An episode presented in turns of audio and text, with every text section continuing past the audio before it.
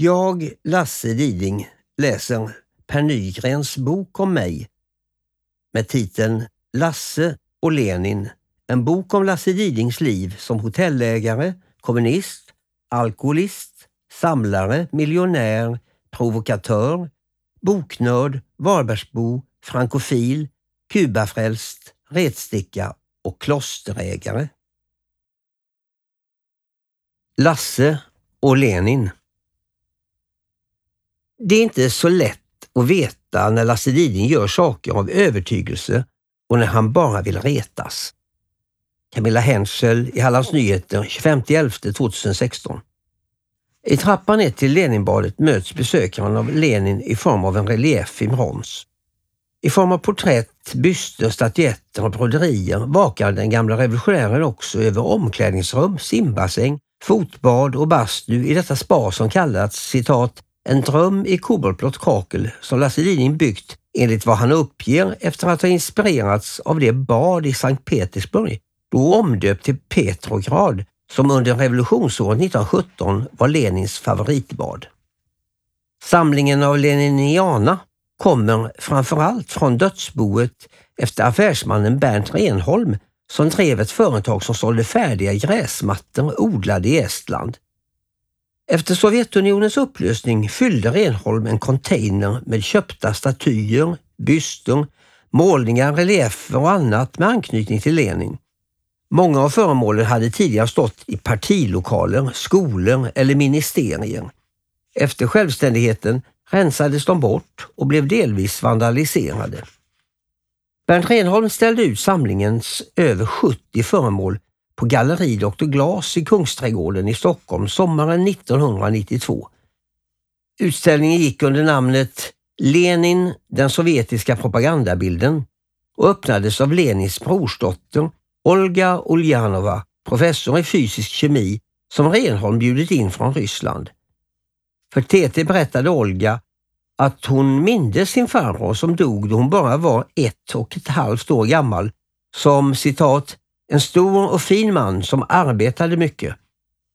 Om Lenin får man tycka vad man vill, men jag tycker inte om att monumenten förstörs, att det raderas i historien, sa Bernt Renholm.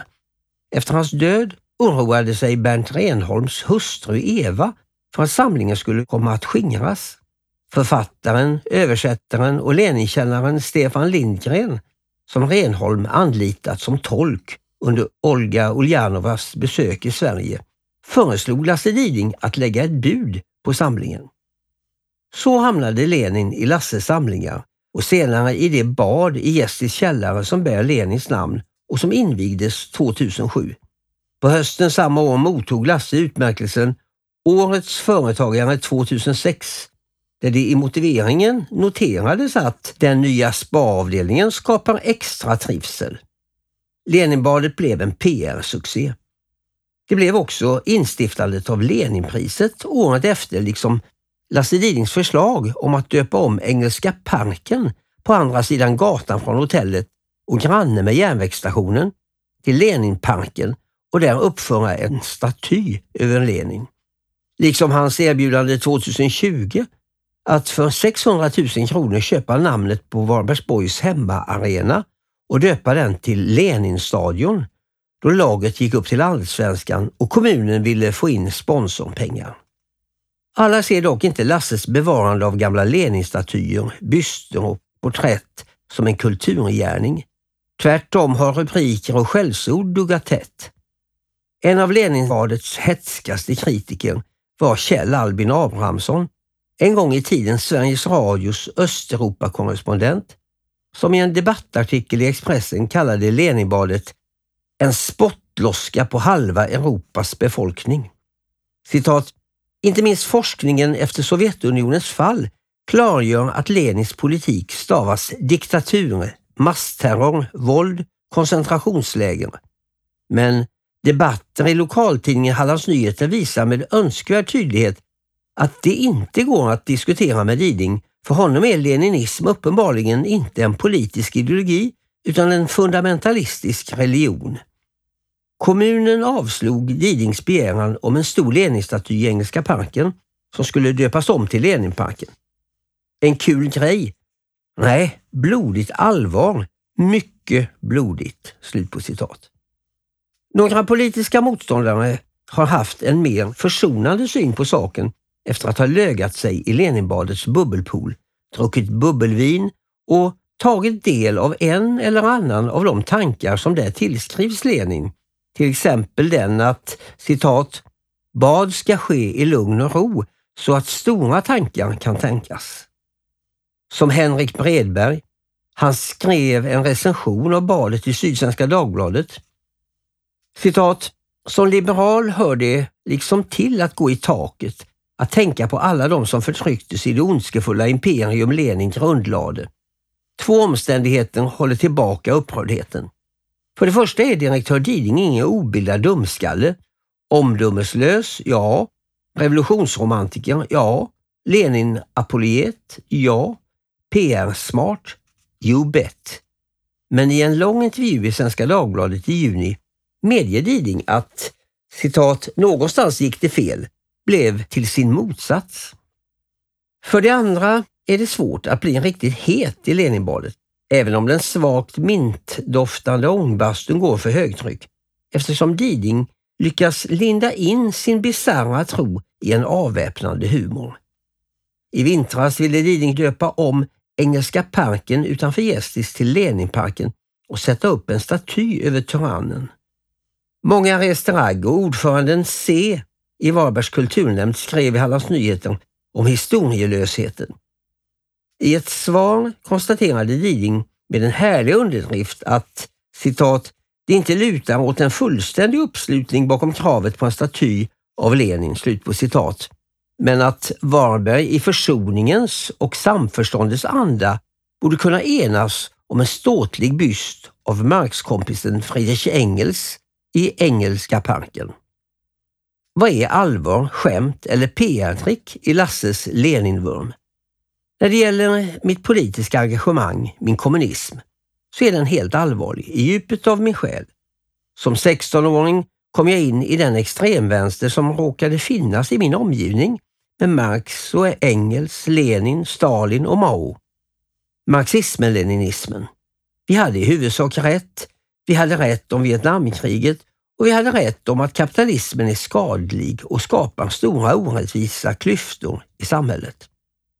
Oktoberrevolutionen var ett hederligt uttryck för viljan hos en grupp människor att välta den tidens största tyranni över ända.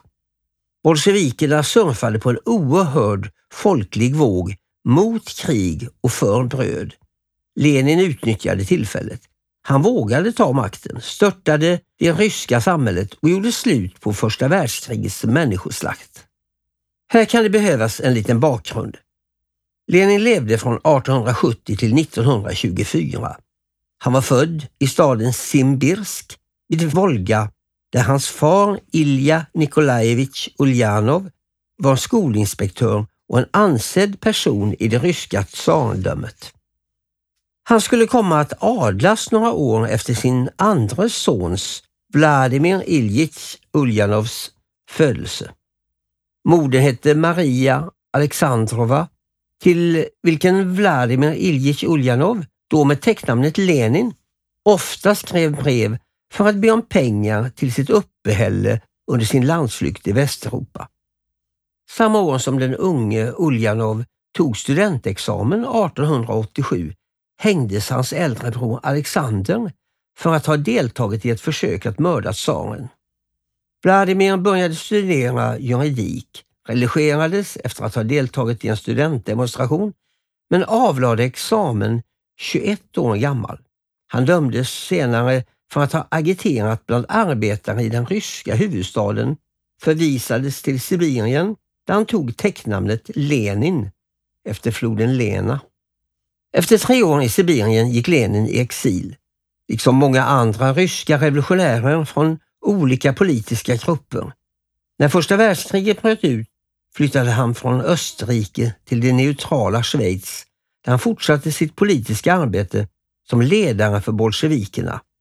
Namnet betecknade efter 1903 majoriteten inom det ryska socialdemokratiska partiet. I februari 1917 utbröt februarirevolutionen i Ryssland.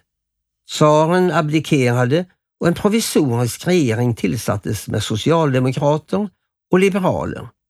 Lenin reste tillsammans med andra landsflyktiga revolutionärer, i huvudsak bolsjeviker, med tåg genom Tyskland och Sverige till den ryska huvudstaden Petrograd. Då var Lenins rykte som hårdför vänsterrevolutionär inom den ryska socialdemokratin sedan länge befäst. Svenska Dagbladet berättade den 14 april 1917 under rubriken Ryska landsflyktiga på hemresa över Stockholm. En grupp revolutionärer om 30 man, vägrad passage genom England, har fått passera fiendelandet Tyskland. Citat. Med Malmötåget anlände igår en grupp ryska revolutionärer som under kriget uppehållit sig i Schweiz och nu genom utfästelser av den provisoriska regeringen i Petersburg, tidigare Petrograd, beretts tillfälle att återvända hem. Resenärerna, 30 till antalet, tog under uppehållet i Stockholm in på hotell Regina och fortsatte på aftonen resan norrut. Bland dem befunno sig flera framstående revolutionsagitatorer, vilka under det gamla regementet i Ryssland nödgades fly. Det icke minst märkliga med denna hemresa är att det företagits genom fiendelandet Tyskland sedan England vägrat passage för de ryska revolutionärer som ivrar för krigets avslutning. Resan vållade strid mellan svenska vänstersocialister som träffade Lenin på hotell Regina och socialdemokrater. Vänstersocialisterna gladde sig åt Lenins mod att resa genom fiendeland för att citat, i Petersburg ställa sig i ledet i kampen för freden, republiken och socialismen. Medan Brantings socialdemokrater ansåg att resan var ett utslag av politiskt lättsinne. Vi är övertygade om att denna uppfattning delas även av den ryska socialdemokratins långt övervägande flertal och att man där med oförställd förvåning skall erfara att kända svenska socialister ställt sig moraliskt stödjande bakom denna rent skandalösa obetänksamhet från Lenins sida. Rapporteringen i Sverige om förhållandena i Ryssland och den kommande andra revolutionen ger en inblick i hur samtiden uppfattade Lenin. I maj 1917 rapporterade Svenska Dagbladet om den anarki som rådde i Petersburg. Olika revolutionära grupper försökte sätta dagordningen. Mensjeviker och bolsjeviker, polska socialister och judiska arbetarförbundet. I artikeln nämndes tidningen Nova Zhizn med Maxim Gorki som redaktör.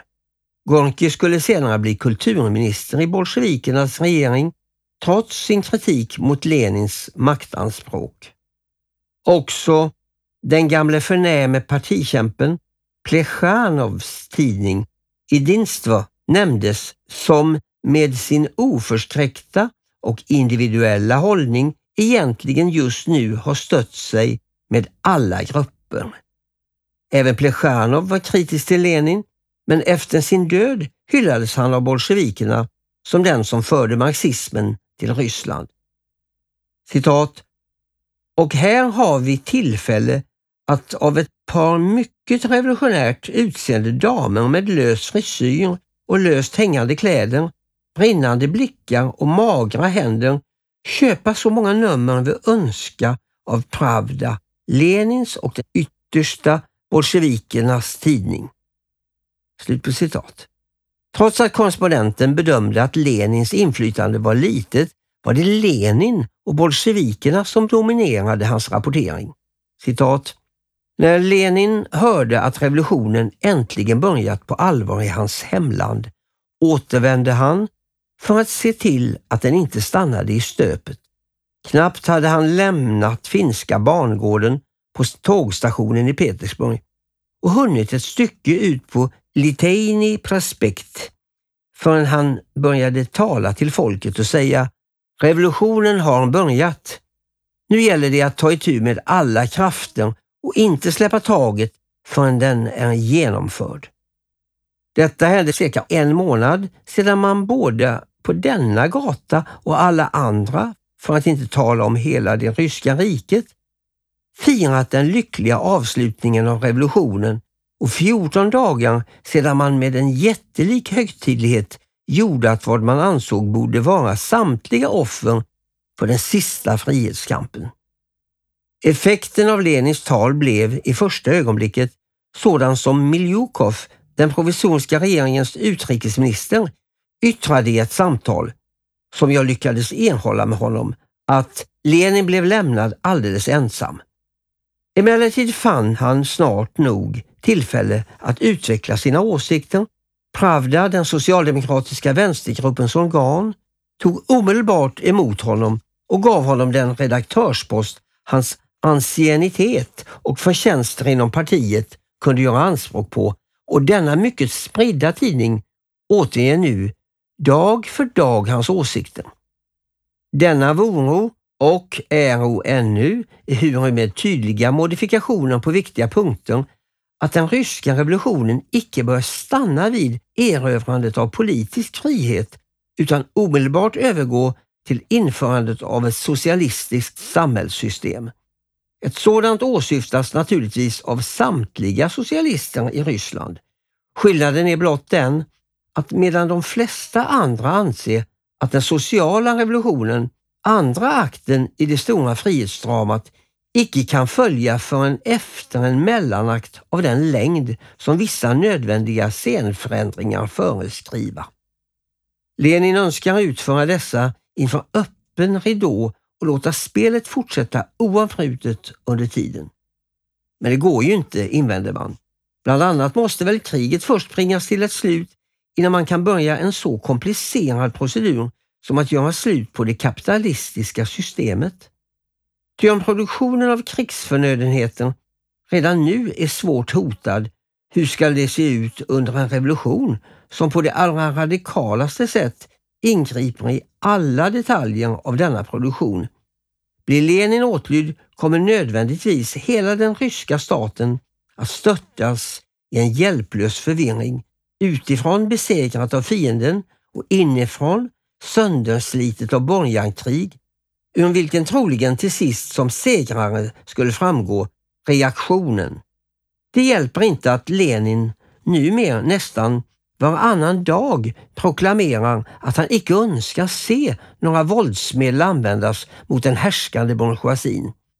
Det hjälper inte att han försäkrar att Ryssland sedan de genomfört den sociala omvälvningen skall med oemotståndlig kraft skicka sina härar ut för att störta de maktägande klasserna i fiendeländerna och bringa deras folk friheten. Man finner hans plan så opraktisk att han inte kan gå fri från namnet anarkist. Det finns de som finner att det är för milt. Under orosdagarna i början av månaden hördes mångenstädes ropet provokatör när någon av Lenins anhängare började tala i de folkmassor som dag som natt vore i rörelse. Slut på citat. Under sommaren 1917 fortsatte de politiska striderna mellan de olika revolutionära grupperna i Ryssland. Bolsjevikernas andra revolution, oktoberrevolutionen, genomfördes i Petrograd den 7 november svensk tideräkning. Några dagar senare kunde Svenska Dagbladet publicera en sammanhängande berättelse från sin korrespondent daterad den 8 november. Citat. Historiemålaren Jérômes Jean-Léon Jérôme bekanta tavla Senatorn som sover i sittande plenum medan Caesar mördas har fått en pangdang i verkligheten. Bolsjevikernas usurpation av makten genomfördes så planmässigt med sådan revolutionsteknisk elegans att genomsnittsmedborgaren var okunnig om saken ända tills aftontidningen ställde honom inför fait accompli. Visserligen var omvälvningen länge förebådad. Visserligen rörde sig starka armépatruller i staden under den kritiska lagen. Visserligen granskades persondokumenten med ovanlig påpasslighet vid passerandet av broar och viktigare punkter. Men man gladde sig att Kerensky en gång i rättan tid förstått att begagna kraftigare medel än elokvensens, vältalighetens. Vi visste helt enkelt inte att säkerhetspatrullerna hade sina mandat av den nya makten. Långsamt och säkert hade Kerenskis stjärna sjunkit innan den slocknade på alla bolsjevikers dag den 7 november. Mot anarkins onda satt han endast de många cirkulärens fagra ord till analfabeter. När Vinterpalatsets förliden natt stormades lyftes icke många händer till regeringens försvar. Proletärernas revolution har segrat med löftet om fred, bröd och jord. Var det genast sagt att den med revolutionär djärvhet strävar att gå den räta linjens väg till målet. Alla kontrarevolutionens medel skola vridas ur dess händer.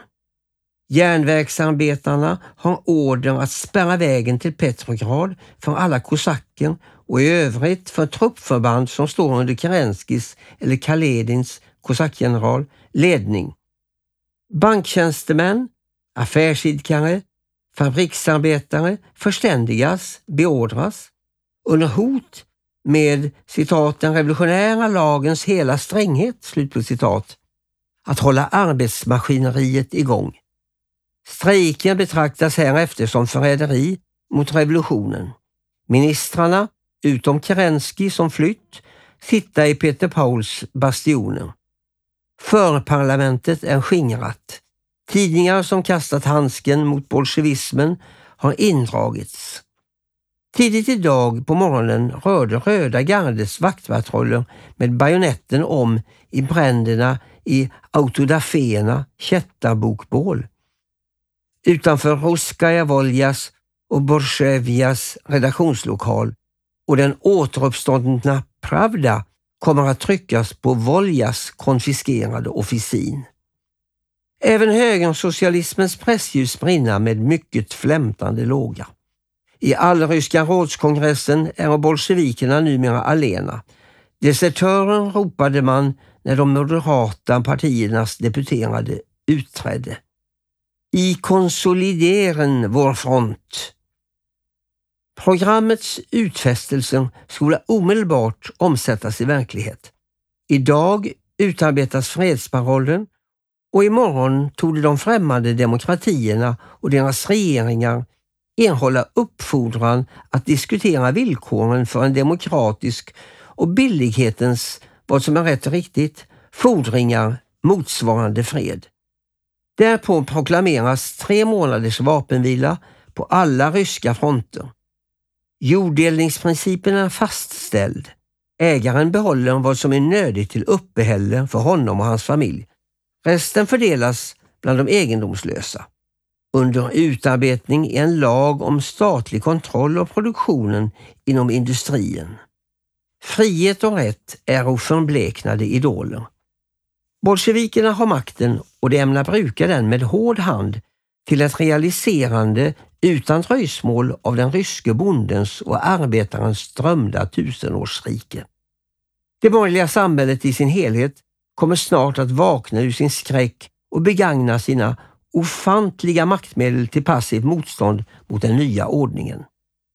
Det har sagts att den nya maktens livslängd ska stå i direkt förhållande till dess förmåga att infria sina löften.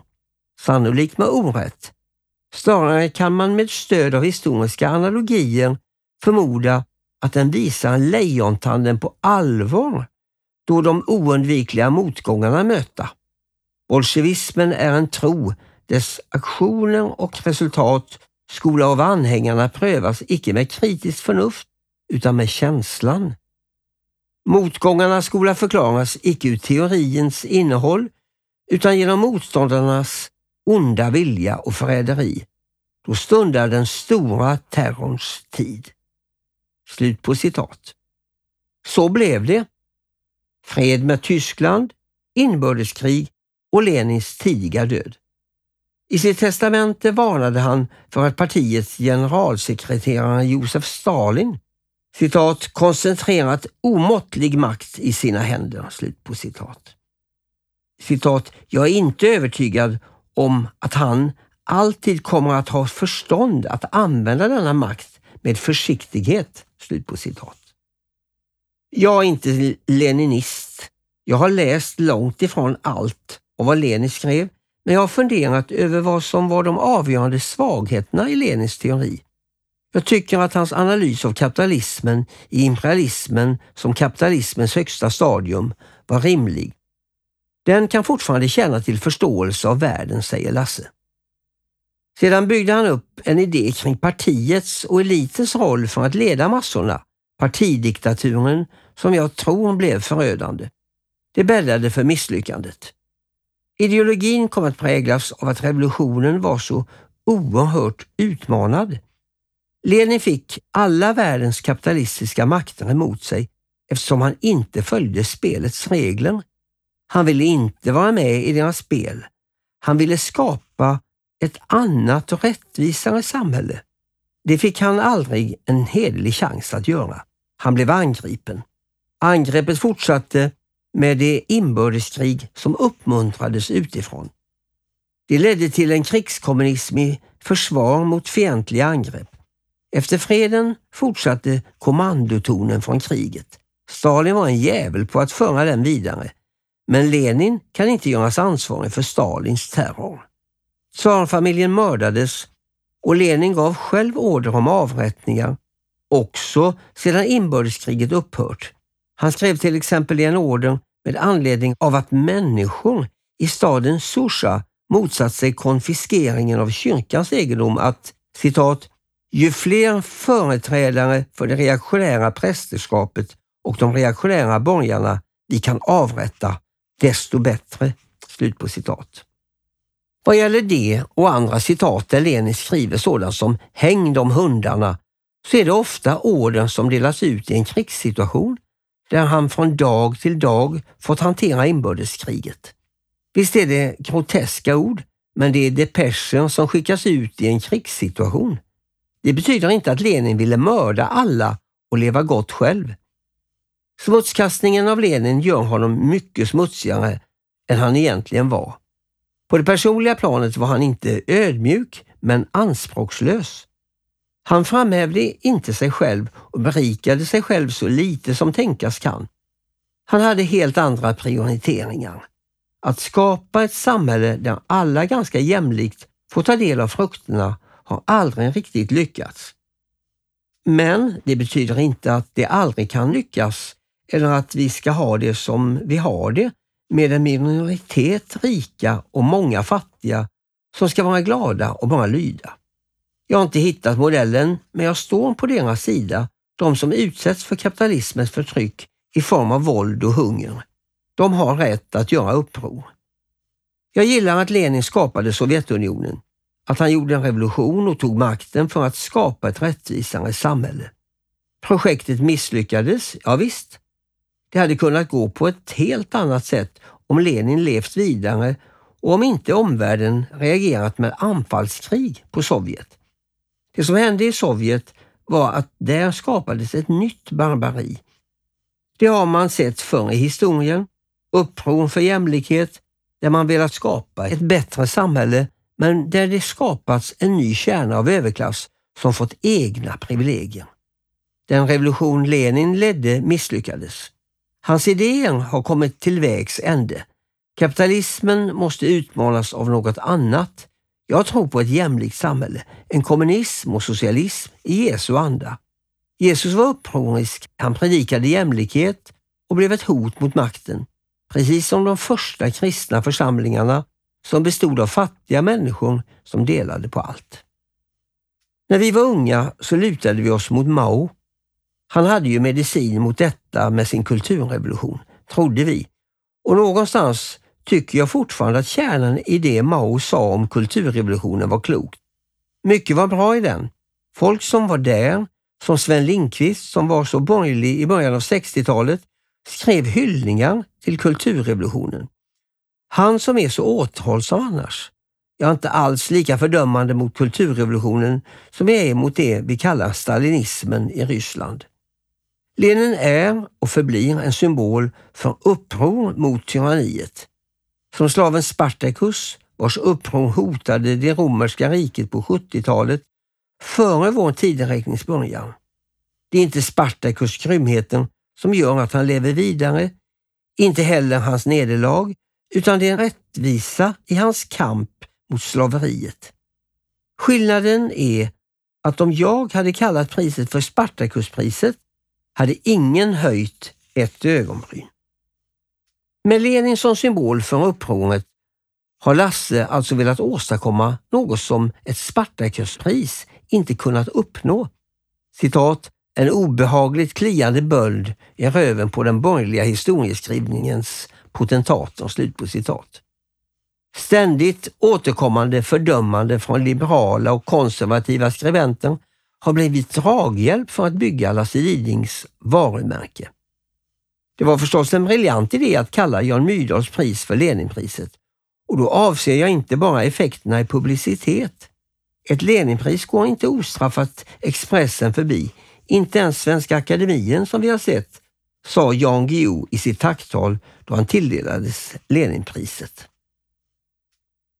Guillou syftade på historikern Peter Englund som i sin ungdom uteslöts från SSU på grund av sitt samröre med trotskister och snart skulle tillträda som Svenska Akademins ständige sekreterare då Mattias Gardell 2009 tackat ja till Leninpriset. På sin blogg lanserade Peter Englund då ett eget pris. Citat. Nådd av nyheten att religionsvetaren Mattias Gardell får Jan Myrdals nyinstiftade Leninpris vill inte jag vara sämre. Det pris som jag nu instiftat heter Pol Pot-priset. Juryn består av undertecknad samt mina två katter. Även Pol Pot-priset tilldelas Mattias Gardell. Priset består av en miljard mark i 1923 års penningvärde samt Anne Appelbaums Gulag, de sovjetiska lägrens historia. En bok han garanterat inte har läst. Även nästa år kommer Pol Pot-priset att tillfalla Mattias Gardell. Förutsatt att det inte dyker upp någon akademiker som är än mer naiv och historielös, men det förefaller osannolikt. Slut på citat. Lasse Diding antog Peter Englunds utmaning i samma anda i en text som publicerades av FIB Kulturfront. Citat. Undertecknad initiativtagaren till Jan Myrdals stora pris, Leninpriset, har i samband med årets bokmässa i Göteborg tagit initiativ till en namninsamling och protest mot angreppen på Svenska Akademins nytillträdde ständige sekreterare Peter Englund och försöken att förmena honom rätten att dela ut det kontroversiella och i mångas ögon osmakliga Pol Pot-priset.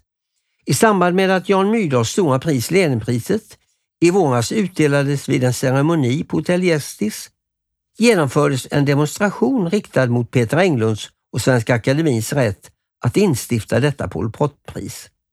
Under parollen ”Kastrera Peter Englund och hans två katter med en slö skridsko” demonstrerade två personer, varav den ene presenterade sig som Eskil Frank utanför hotellet. Eftersom även Jan Myrdals stora pris Leninpriset angripits från flera håll anser jag som initiativtagare det vara min alldeles särskilda skyldighet och plikt att i yttrandefrihetens namn till det allra yttersta försvara Peter Englunds och Svenska Akademins rätt att dela ut även ett i mina ögon mycket destruktivt, osmakligt och misslyckat så kallat Pol Pot-pris. Under bokmässan, då jag ändå är närvarande för att marknadsföra Hotell Gästis, tänker jag därför samtidigt genomföra en namninsamling till stöd för Svenska Akademin och Peter Englunds rätt att dela ut priset. Genom flygblad och förtryckta solidaritetsvykort avsedda att skickas till Svenska Akademin som stöd kommer jag att uppmana till bredast möjliga uppslutning till stöd för yttrande och tryckfriheten i denna angelägna fråga.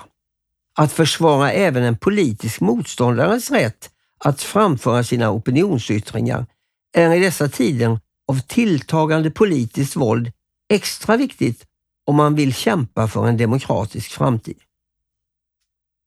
Detta måste således även gälla Peter Englund och Svenska Akademin, hur mycket avsky man än kan känna för denne försvarare av USAs folkrättsstridiga och blodiga ockupation av Irak, där han i debatten med fingrarna drypande av barnablod valt att hävda att någon bombning från luften mot oskyldiga och försvarslösa människor aldrig har ägt rum. Till detta, liksom till inrättandet av det osmakliga Pol Pot-priset, har han demokratisk rätt, oavsett hur svårt det kan vara att förstå honom eller Svenska Akademins val av detta kolonialismens och USA-imperialismens handgångna verktyg till ständig sekreterare och ansikte mot världen när Nobelpriset i litteratur senare i höst ska delas ut. Vi måste dock försvara Peter Englunds rätt att dela ut såväl Nobelpriset som Pol Pot-priset. Slut på citat. Jan Guillou hade inget problem med Lenin, sa han i sitt tacktal. Citat. Mitt förhållande till Lenin är tämligen okomplicerat. Min väg in i den politiska vänstern gick via den antiimperialistiska rörelsen som ju också var gediget antisovjetisk. Lenins analys av kapitalismen som imperialismens högsta stadium står sig emellertid väl. Vi behöver ju bara se oss omkring i dagens värld där svenska soldater sänds att tjäna under USA i Afghanistan. Lenin störtade det ryska slavsamhället 1917 och avslutade samma år Rysslands deltagande i den överhetens människoslakt som betecknas som första världskriget. Jag måste erkänna att jag reservationslöst är för de insatserna, hur chockerande det än kan låta för folkpartisten.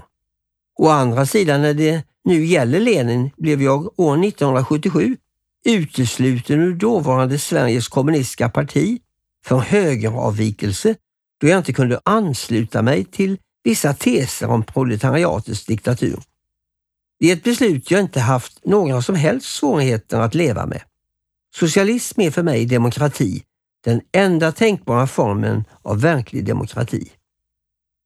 Slut på citat. Den gamle leninisten Sven Wollter hade inte heller problem med Lenin. I Aftonbladet berättade han att han tyckte att det var ledsamt att Lenin dog för tidigt. Citat. Problemen kom senare. De som kritiserar revolutionen glömmer alltid hur det var före. Blodbaden som gick före den. Blodiga söndagen 1905 ska man aldrig glömma. Inte heller får man lov att glömma att när det blev inbördeskrig så skickade Europas regeringar in trupper för att hjälpa den vita sidan. Det var tusentals. Trupper de inte skickade till Spanien 1936 när Franco försökte störta regeringen. Så västerlandet har en jävla skuld i hur det utvecklade sig, tycker jag. Slut på citat. Men varför Lenin? Varför undrade också 2019 års Robespierre-pristagare Darja Bogdanska som i en intervju i Hallands Nyheter fick frågor om sin inställning till Lenin och Robespierre. Citat, varför ska vi unga vänstermänniskor behöva ta ställning till gamla spöken? Slut på citat. Så vad är poängen med att använda Lenin i en tid när de flesta också i den gamla 68-vänstern avsvurit sig kommunism och leninism? I Varberg finns en avdelning av ärarna de som idag heter Kommunistiska partiet, en handfull övervintrade 68-kommunister som lyckats få med sig fler under senare tid. Idag är de ett 50-tal kloka och ärliga människor som sliter och släpar i vanliga jobb. Men de gör det svårt för sig. Jag sa till ordföranden att jag inte kan rösta på dem så länge de är så korkade att de kallar sig kommunister. Så länge de håller fast vid det kommer de aldrig att få tillräckligt med röster, säger Lasse. Men jag kan. Jag kan hålla den röda fanan framför mig och spela på att jag är miljonär och gillar Lenin. Det gynnar mina syften, men det gynnar inte ett politiskt parti att göra det. Det är skillnad. Lasse säger att han tänker jag ungefär som den så kallade alternativhögern i Sverige företrädd av bland andra Kristoffer Dullny, tidigare politisk sekreterare på Sverigedemokraternas riksdagskansli som 2017 startade sajten Nordisk alternativhöger. Den antisemitiska och nyfascistiska rörelsen försöker påverka opinionen med en sorts ironisk humor riktad mot vänstern, liberaler judar. den antifascistiska tidskriften Expo, beskriver alternativhögerns verksamhet som ett kulturkrig för att utvidga åsiktskorridoren. Citat. Kortfattat handlar metapolitiken om att förändra uppfattningen i samhället om vad som är politiskt möjligt och metoderna inbegriper att utmana människors fördomar, förändra betydelsen av etablerade begrepp, skapa nya begrepp för vanliga företeelser samt att erövra vad den liberale filosofen Lars Gustafsson kallade problemformuleringsprivilegiet, skriver Expo. August Strindberg skrev att överklassen förmår att härska i kraft av sin makt över själva tankelagarna. Det som strider mot makthavarnas intressen görs otänkbart. Jag vill bryta överklassens tankelagar med någon sorts irrationell grillakrigföring, vidgar åsiktskorridoren med mina ibland lekfulla infall. Det ska inte få skriva regelboken för hela samhället. Där sitter en gubbe som gillar Lenin, en sån jävla pajas kan folk säga. Det bryr jag mig inte om. Jag försöker säga allvarliga saker, men jag är gärna lite pajas också. Humorn legitimerar att man talar om Lenin och badar i Leninbadet. Det öppnar för att fler tankar ska våga tänkas och yttrandefriheten vidgas. Jag tycker att man kan ha ett Leninpris som en symbol för ett uppror från vänstern. Jag kan vara oerhört kritisk mot Lenin och den utveckling det tog i Ryssland. Det var ett misslyckat projekt. Glasklart att det var det. Men jag kan ändå se det som ett försök med ett uppror för jämlikhet och vi kan lära oss av det. I den offentlighet som finns kan det få finnas med utan att jag därför stödjer Lenin till 100 procent. Det gör att frågorna om den kommunistiska traditionens fördelar och nackdelar kan diskuteras. När jag var ung var högern med i vänsterdemonstrationen mot kriget i Vietnam. Moderaterna var mer vänster på den tiden än vad Socialdemokraterna är idag. Då hade ingen höjt ögonbrynen för ett Leninpris. Sedan startade arbetsgivarna sin kampanj och skolade blivande propagandister genom bland annat Timbro för att ta ifrån vänstern problemformuleringsprivilegiet. De har lyckats med det. Bland de lekfulla inslagen i Lasses arbete för att popularisera Lenin var hans idé att köpa Engelska parken i Varberg och göra om den till Leninparken. Idén dök upp när Lasse medverkade i Kanal 5s serie om svenska miljonärer. Citat, jag föraktar den här typen av skitprogram men ser det som gratisreklam för mitt hotell, slut på citat, sa han i en intervju för Aftonbladet inför att programmet skulle sändas. I programmet sa han att citat, det skulle vara fantastiskt roligt för Varberg och för Lenins skull, slut på citat, om Lenin kunde hitta ett hem i Varberg, en Leninpark, varefter tv-teamet följde med honom till Litauens största statykyrkogård där de gamla avdankade sovjetiska jättestatyerna förvaras. I en scen i programmet står Lasse bredvid en tjänsteman på statykyrkogården och berättar att en affär nu är nära men att mannen bredvid honom gör allt för att försöka trissa upp priserna. Senare i programmet berättar Lasse att han ska ta kontakt med kommunledningen i Varberg. Tittaren får också följa med Lasse då han kliver in på kommunkansliet och överlämnar sin begäran om att få köpa Engelska parken. De vill privatisera allt här i kommunen så tacka sjutton för att jag får köpa loss parken. Jag tror att det här kan behandlas snabbt, säger han i programmet. Bakom programmet låg konstnären Paul Hollander. När jag och Paul träffades hände någonting. Han var totalt räddslös, galen men på ett fascinerande och charmigt sätt. Han sprutade ur sig idén. Vi var i Litauen för inspelningen under sju dagar. Varje natt var Paul ute och söp, träffade olika tjejer som han kom hem med och som trodde att han var vår tids Ingmar Bergman. Paul var svintrött varje dag eftersom han inte sov. Han kunde ändå hålla absurt underbara monologer. Han var kul. Han hittade på något, gjorde banalkonst varje dag. Handlingen hittade vi på tillsammans. När vi var vid statykyrkogården skulle jag säga något till föreståndaren på svenska så att han inte förstod vad jag sa, skaka hand och låtsas att vi gjort upp en affär. Han var rätt stram och ville absolut inte göra någon affär. Det var överhuvudtaget inte aktuellt att sälja någon Leninstaty. Det var fejk alltihop. Eller konst. Kanske har Lasses Leninprovokationer också haft viss politisk betydelse i Varberg.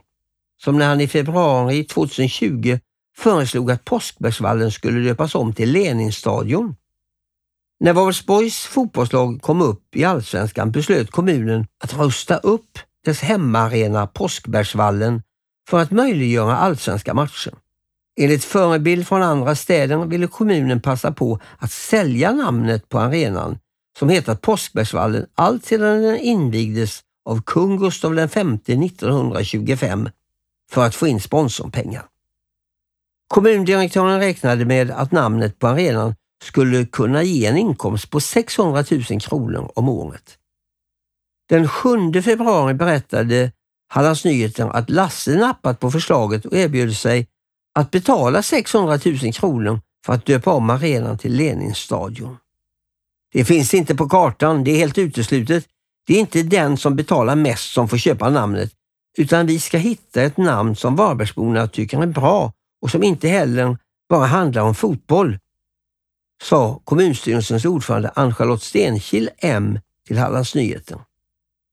Det är fullständigt otänkbart att döpa arenan efter tyranner, massmördare och diktatorer. Det finns humanistiska värden som står högre i kurs än Didings miljoner. Arenans namn ska ge kommunen en inkomst och stärka Varberg som varumärke, sa kommunalrådet och kommunstyrelsens förste vice ordförande Kristoffer Bergenblock till tidningen och framhöll att det inte är någon idé att Lasse skickar in något förslag. Lasses förslag ledde till diskussion, bland annat på Hallands Nyheters insändare och Facebook-sida. Att döma av diskussionen fick Lasse i vart fall skrattarna på sin sida. Kanske inte bara skrattande när han senare förklarade sitt utspel och enligt många Varbergsbor som ville ha kvar namnet Påskbergsvallen drog ner brallorna på politikerna. Citat. I vårt nyliberala tidevarv är sorgligt nog allting till salu.